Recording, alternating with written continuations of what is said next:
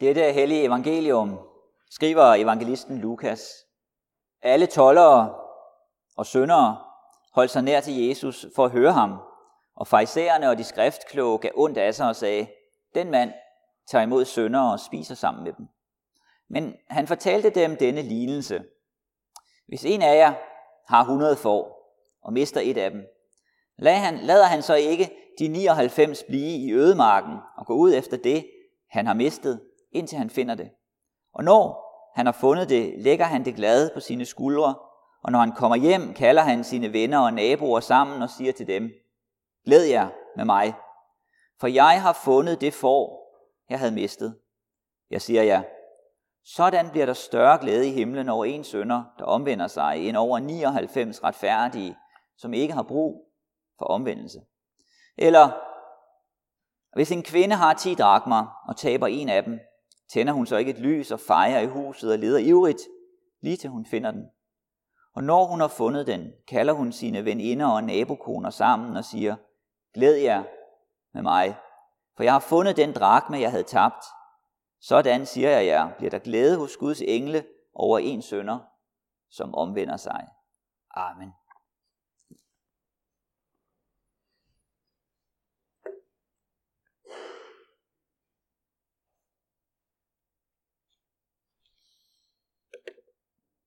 Lad os bede. Tak, Jesus, at du søger mennesker, at du søger sønder. Vi beder så om, at du så også vil komme og være sammen med os den her formiddag i Emdrup. At du også vil søge os. At du også vil møde os. At du også vil lede os. At du også vil finde os og bære os. At vi også må høre din stemme. At vi også må erfare dit nærvær for at vi må vandre sammen med dig, leve med dig, for at vi må gå ind til den glæde, som du taler om, og hvile i den fred, som du giver. Midt i de kampe, der er vores, midt i de spændinger, vi erfarer. Amen.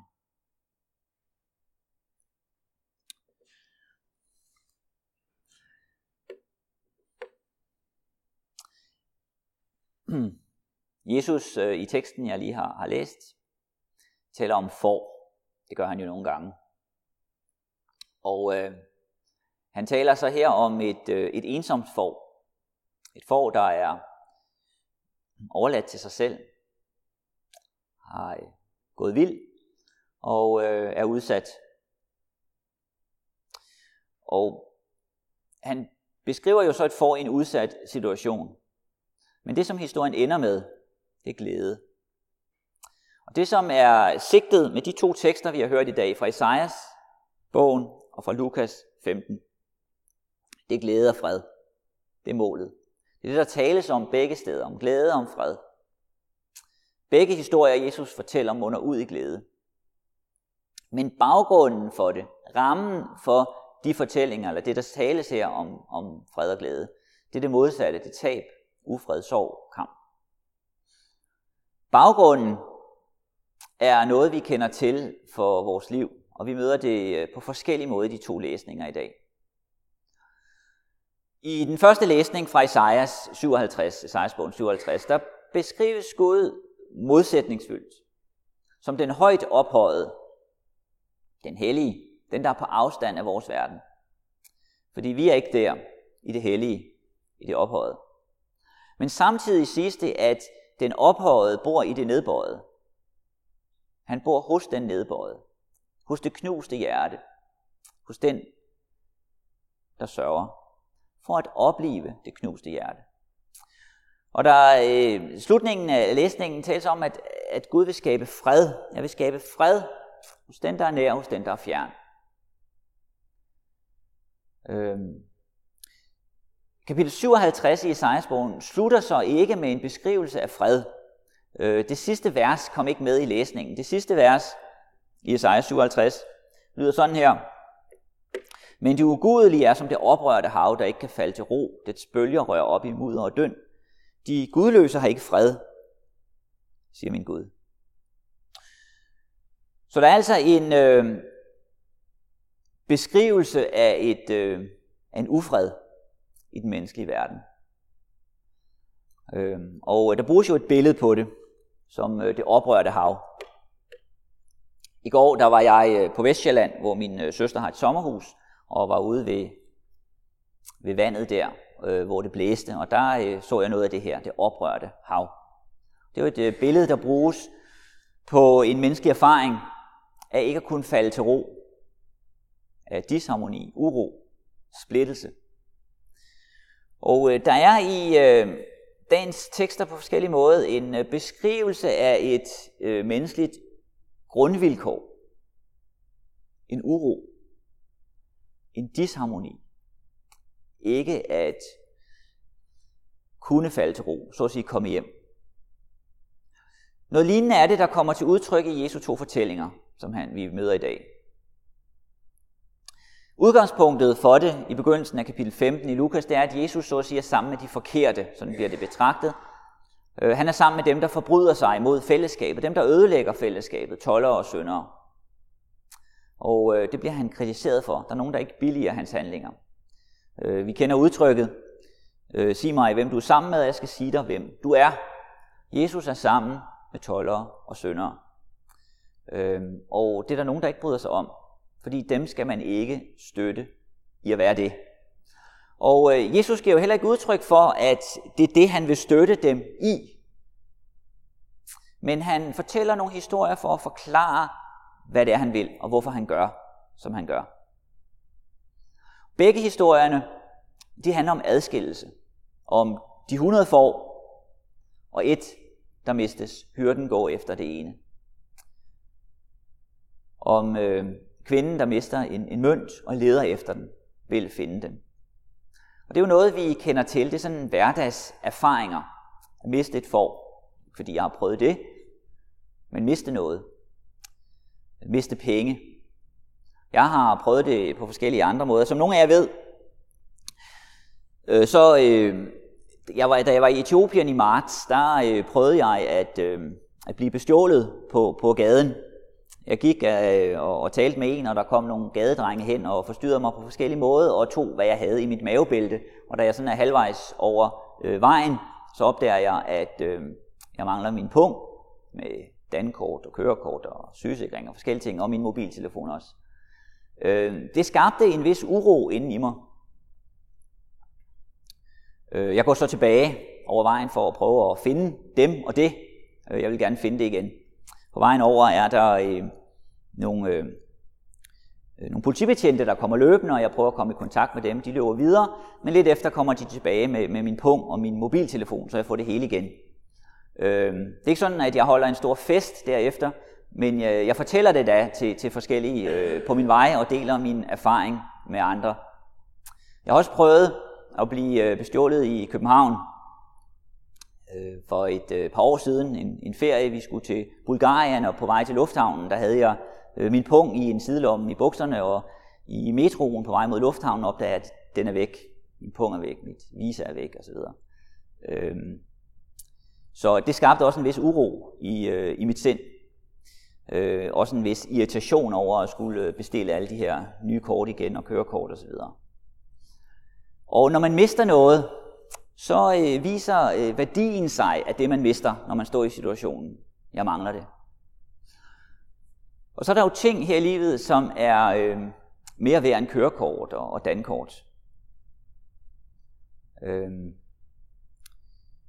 der er noget i livet, der kan opleves som, øh, som alt afgørende. Og øh, vi kender til det på forskellige måder og hører historier om det. Øh, og mennesker, som tilsyneladende har succes i deres liv, har et, øh, et godt arbejde, bruger deres, al deres tid på deres arbejde, og så pludselig rammes de af stress, eller mister deres arbejde, eller sygdom, eller andet, og øh, så rykker krisen ind. Øh, de øh, bliver ensomme, mangler netværk. Der er mange ting, der kan gøre, at vi taber noget, som, som gør, at der kommer en grundlæggende uro ind i vores liv. Det kan være tab af ægteskab. Det kan være splittelser i familien mellem forældre og børn, mellem søskende. Det kan være et dødsfald, der trænger sig på. Øh, vi kan miste æren på grund af rygter omkring os. Der kan være forskelligt, der sker i vores liv, så livet mister indhold og betydning. Den her verden, som vi erfarer, er på forskellige måder en verden med tab, med splittelse, med afstand. Øhm, det møder vi igen og igen. Om det er mønten, man mister, eller foråret, eller pungen, eller hvad det er. Vores verden er en, liv, en verden med spændinger. Men det er den verden, vi er sat i, og det er det liv, vi er kaldet til at leve i den her verden. Og så er der i de to læsninger i dag en beskrivelse af en fred og en ufred, som overskygger alt det andet. Som er noget grundlæggende nede under alt det andet. Noget, som omslutter det hele. Og det er det, som ligger bag Jesu fortællinger. Det er forholdet til Gud. Når Jesus taler om, fortæller de her hverdagshistorier om foråret og mønten, og så slutter han med at tale om glæde i himlen. Der bliver mere glæde i himlen over en sønder, der omvender sig, end over 99, der ikke har brug for det. Så peger han på den himmelske glæde, på evighedens betydning. Og øh, Jesus han vil dermed forklare, at overfor, gennem de her historier over for fejserne, at det er derfor, han sidder sammen med toller og syndere. Fordi han søger den enkelte, den der er væk. Han søger for at helbrede, som det siges i Esajas 57. Helbrede i grunden, finde det knuste. Den egentlige adskillelse i den her verden, det er adskillelsen fra Gud. Og den egentlige fred, den virkelige fred, det er freden med Gud. Når vi sættes der, så kommer der en fred ind. Selvom vi stadig lever med splittelse i verden. Alting ses i et nyt lys. Vi hører jo i dagens læsning to historier. Men egentlig fortæller Jesus her over for farisæerne tre historier. Der kommer en historie lige efter om den fortabte søn. Den kommer på en anden søndag i kirkeåret. Den fortabte søn handler jo også om et tab. Om den yngste søn, der øh, forlader hjemmet og kommer tilbage igen. Og så øh, holder faren en fest. Den historie ender også med, med fest og glæde. Men den ældste søn vil ikke gå med ind til festen. Stå udenfor og er sur. Og dermed forsøger Jesus at få sagt til farisæerne, at I er som den ældste søn. I er som dem, der står uden for festen og kigger ind, og ikke vil tage del i den. Og dermed ligger der også i de historier, han giver, et kald til dem og til os, til at gå ind til festen, ind til glæden. Et kald til ikke at være alene i splittelsen. Når Jesus i forskellige sammenhænge beskriver mennesker som får, så kan man sige, at det er jo ikke en, øh, øh en flatterende beskrivelse. Øh, dels er det en beskrivelse, som øh, man kender til fra hverdagen dengang, men samtidig er det jo også en beskrivelse af en situation, at vi ikke kan rumme hele vores tilværelse. Vi kan ikke overskue det hele, ligesom foråret ikke kan. Der er spændinger, vi må leve med. Foråret kunne ikke selv finde tilbage, da det var tabt. Det havde brug for, at hyrden fandt det. Mønten kunne ikke selv finde tilbage, da kvinden havde mistet det. Det havde brug for at blive fundet. På samme måde er det med os. Og det, som Jesus så giver som overskriften over, og som målet for de her historier, det er glæden. Målet er glæden. Den glæde, som han så taler om, den sætter en anden ramme for den kamp, som er vores. Det liv, som er vores. Jesus han sætter sig midt blandt syndere for at være der. For at sætte en glæde ind i deres liv. For at sætte en anden ramme for deres liv og deres kamp. For at skabe forandring. Og øh, når Isaias siger, at Gud er den højt ophøjet, som bor hos den nedbøjede, så er det for at skabe noget nyt. For at skabe fred. For at skabe fred midt i splittelsen. Esajas han peger på, at det er muligt at forandre situationen. Der kan være en erfaring af tab, af splittelse, af afstand. Men det er muligt at forandre situationen. Det er muligt at bevæge sig ind i en helbredelse, ind i en glæde. Farisæerne ved at stå udenfor at betragte og kritisere, så fastholder de splittelsen. Men Jesus vil invitere dem indenfor for at have deres liv der. Den egentlige glæde, når han taler om himlen, glæden i himlen, så det er jo noget, der er på vej. Men samtidig er der også en forsmag på den glæde her på jorden. Når kvinden bliver glad, så, så betyder det jo ikke, at alt er løst i hendes liv. Men der er en grundlæggende glæde, der kan flyttes ind i vores liv og sætte en ramme for alt det andet. Når Jesus fortæller de her forskellige historier fra hverdagslivet om kamp og splittelse, så angiver han også, at det er der, vores liv er. Det er der, vi mennesker har vores liv. Vi kan ikke overskue alt, og øh, vi kan ikke se i mange situationer, hvor kampen ender. Vi kan stadig miste vores penge og miste vores arbejde, miste vores helbred og forskellige andre ting. Men midt i det alt sammen, så er det muligt at hvile. Hvile i, at Gud vil føre sin sag igennem. At hyrden vil gå efter foråret, kvinden efter mønten. At Gud vil bøje sig ned til den nedbøjede. Dermed så skabes der en grund for det menneskelige liv. En grund, som vi ikke kan give os selv. En grund til glæde. Selvom vi kan miste alt det andet, som er i vores liv, så er det her, det står fast. Selvom utrygheden og kampen stadig er en del af livet, så står det her fast. Og Gud har kaldet os til at leve det liv, der er vores, med de spændinger, som vi kender til i vores liv. Spændinger, dem slipper vi ikke, før vi når himlen. Kampe slipper vi ikke, før vi når himlen. Der er her ting, der er større end os. Døden, synden, djævlen, skylden. Der er begivenheder uden for vores kontrol.